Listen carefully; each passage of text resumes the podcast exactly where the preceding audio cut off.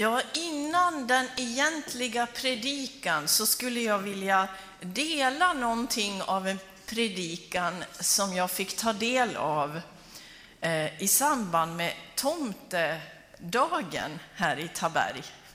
För er som kanske är tillresta eller på hemmabesök så är det ju ett evenemang som äger rum här en gång per år då eh, barn och familjer vistas runt området runt gruvan på väg från hotellet och bort. Olika lokala föreningar finns på plats. Det är sång och musik eh, och väldigt trevligt och med marschaller upplysta längs vägen. Eh, olika djur och aktiviteter erbjuds och så vidare. Eh, och där hade vi också från församlingen med hjälp av scoutledarna ett vindskydd och med julkrubban på plats. Under den här eftermiddagen och kvällen så är det alltså tusentals barn och familjer som kommer gående i vintermörkret med både ficklampor för att leta efter tomtar och tomtenissar. Och eh, det som var intressant var att i mörkret, när de närmade sig den här krubban, så fick vi ta del av hur familjer, mor och farföräldrar, börjar dela julevangeliet med barnen. Det var på något sätt att det i sig skapade nyfikenhet. Och den lilla predikan som jag fick del av, det var när en familj med flera barn kom gående och en av föräldrarna frågar en liten fyraårig flicka, vet du vem det där är?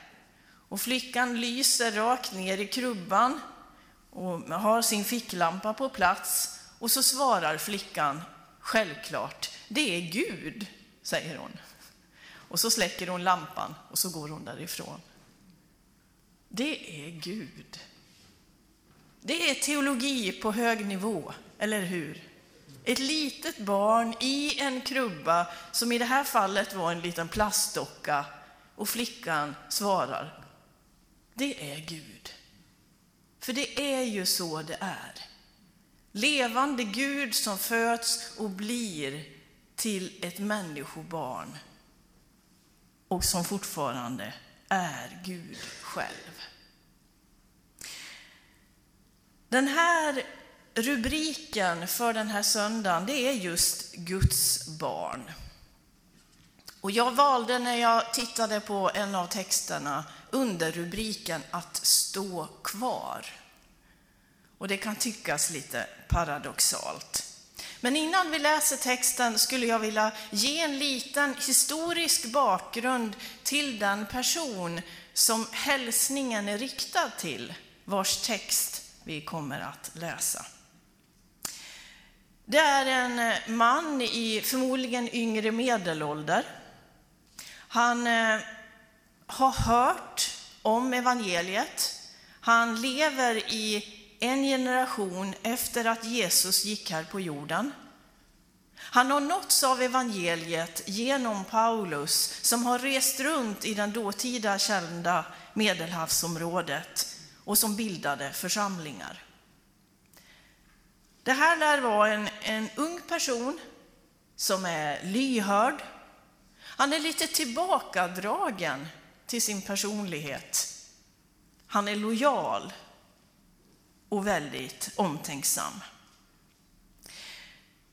Han finns i en miljö som är ganska skakig. Den kristna församlingen har bildats och det har skapats olika lokala gemenskaper. Och han finns i det som nu är Efesos.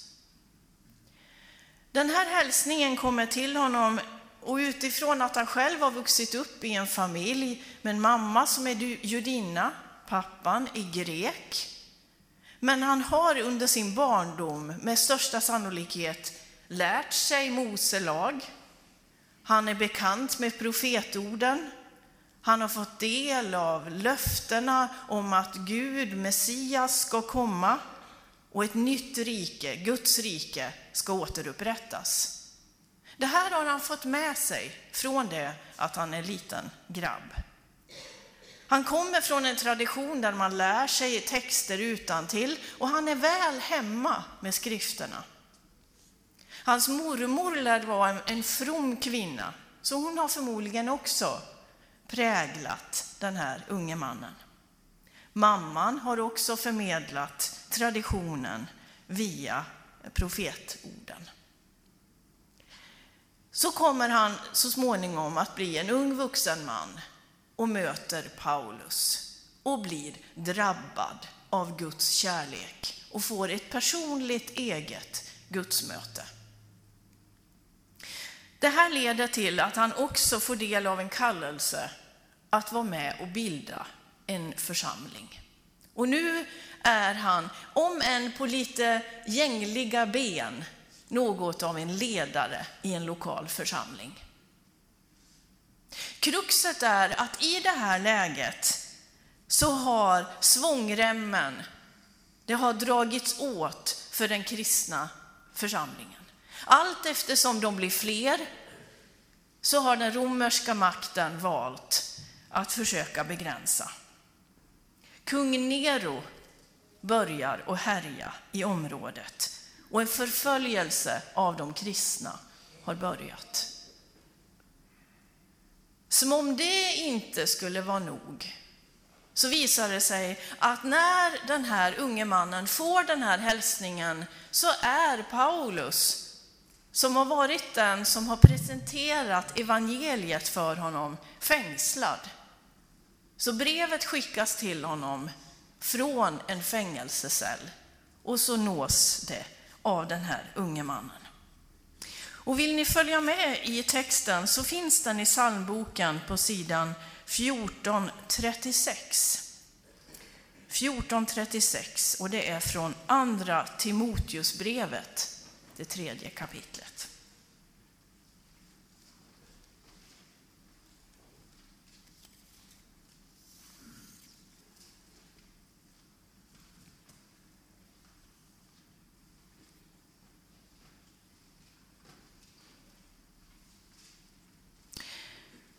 Och jag läser några versar som föregås av den här texten.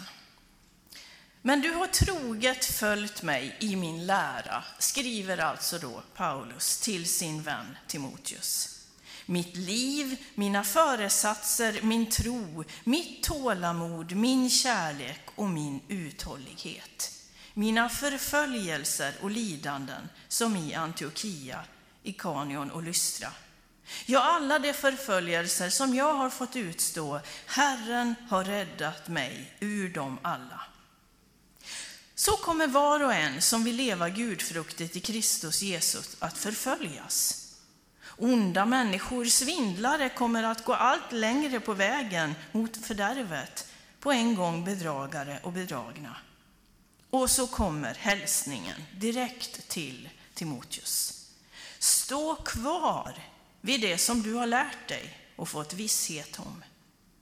Kom ihåg vilka lärare du har haft och att du ända sedan dina barnaår är hemma i de heliga skrifterna. De förmår dig ge dig den kunskap du behöver för att bli räddad genom tron på Kristus Jesus. Det är hälsningen till en ung Timoteus. Och man skulle bara kunna föreställa sig vilka tankegångar som finns hos den här unge Timoteus, som nu har fått förtroendet att vara med och leda. Han har ju liksom ingen formell utbildning i ledarskap, management eller något annat.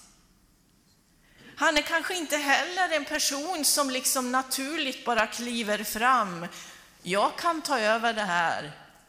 Ett självklart chefsämne. Nej, han är nog inte den personligheten. Och till råga på allt så sitter alltså hans andlige förfader Paulus sitter i fängelse. Och så kommer den här hälsningen till honom. Och en fråga liksom som ligger i klangbotten är, vad är det som står fast? Vad är det som är stadigt när allting annat rör på sig? Om vi för en stund bara drar en parallell till våran tid, så i de här olika årskavalkaderna över året som har gått så kan vi konstatera även hos oss att det är ganska skakigt. Bara det att vi fick till en regering tog lite tid. Det är lite skakigt inom den europeiska gemenskapen och Brexit har snurrat i omgångar. Och flera av oss i yrkeslivet, ja det är lite omorganisationer här och där. Och det är olika rationaliseringar och det är mycket med utveckling och förändringsarbete. Känner vi igen det? Det är liksom inte riktigt lika stadigt och lika permanent som vi ibland skulle önska att tillvaron var. Och när vi ibland tittar i platsannonser så några egenskaper som ofta prioriteras, det är att vi ska vara flexibla, förändringsvilliga och vi ska kunna hålla många bollar i luften. Det är liksom egenskaper som prioriteras. Men vad är det då i en tid som är lite skakig? Vad är det vi får sätta vår tillit till? Vad är det vi kan ha våra fötter på och som står fast? Ja, jag tror Timoteus undrar nog, hur ska det bli? Och så här på gränsen mellan 2019 och 2020, när man brukar säga och så vänder vi blad och så går vi vidare. Och det är bra på många vis.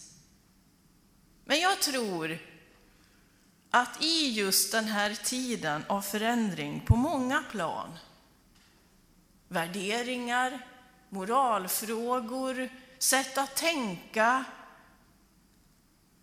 att mitt i det som snurrar allt snabbare så blir det ännu viktigare att hålla fast vid det som är beständigt, nämligen Guds inspirerade ord.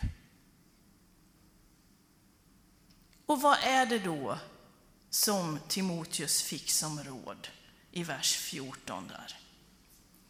Stå kvar vid det som du har lärt dig. Stå kvar vid det som du har lärt dig. Kom ihåg vilka lärare du har haft och att du ända sedan dina barnaår är hemma i de heliga skrifterna. För vad är det som gör att vi står fast när det blåser? Ett träd som orkar hålla spjärn i en orkan, ja det är trädet med djupa rötter.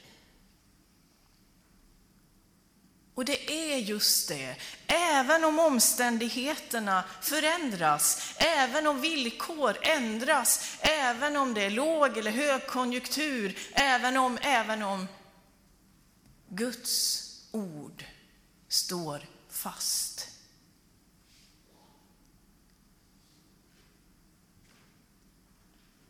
Och det som är fantastiskt i det, det är att Timoteus, när han nu anar att ja, hans andlige mentor och ledare Paulus kommer kanske inte vara hos honom, så är Timoteus begåvad och berikad med Guds rike inom sig själv. Och den ledstjärnan har han i sitt eget inre, i sitt eget liv. När vi i söndags här i kyrkan på söndagarna möter barnen så delar vi ut små mannakort som de får klistra in i album, läsa högt och så vidare. Och varför gör vi det? De är ju bara fyra år gamla. Ja, det är någonting av det Timoteus hade fått. Orden vill vi plantera in i barnens liv? Ja, men kommer de ihåg dem stunden efter? Nej, kanske inte. Men Guds ande finns och verkar, vilket gör att det barnen har fått med sig någon gång tidigare under sin uppväxt kan Gud mana fram i ett tillfälle i en helt annan situation när barnen sen är vuxna. Guds ord är verksamt. Guds ord är starkt och kraftfullt. Guds ord förvandlar och skapar liv. Och det får vi hålla fast vid idag och under året som kommer. Amen.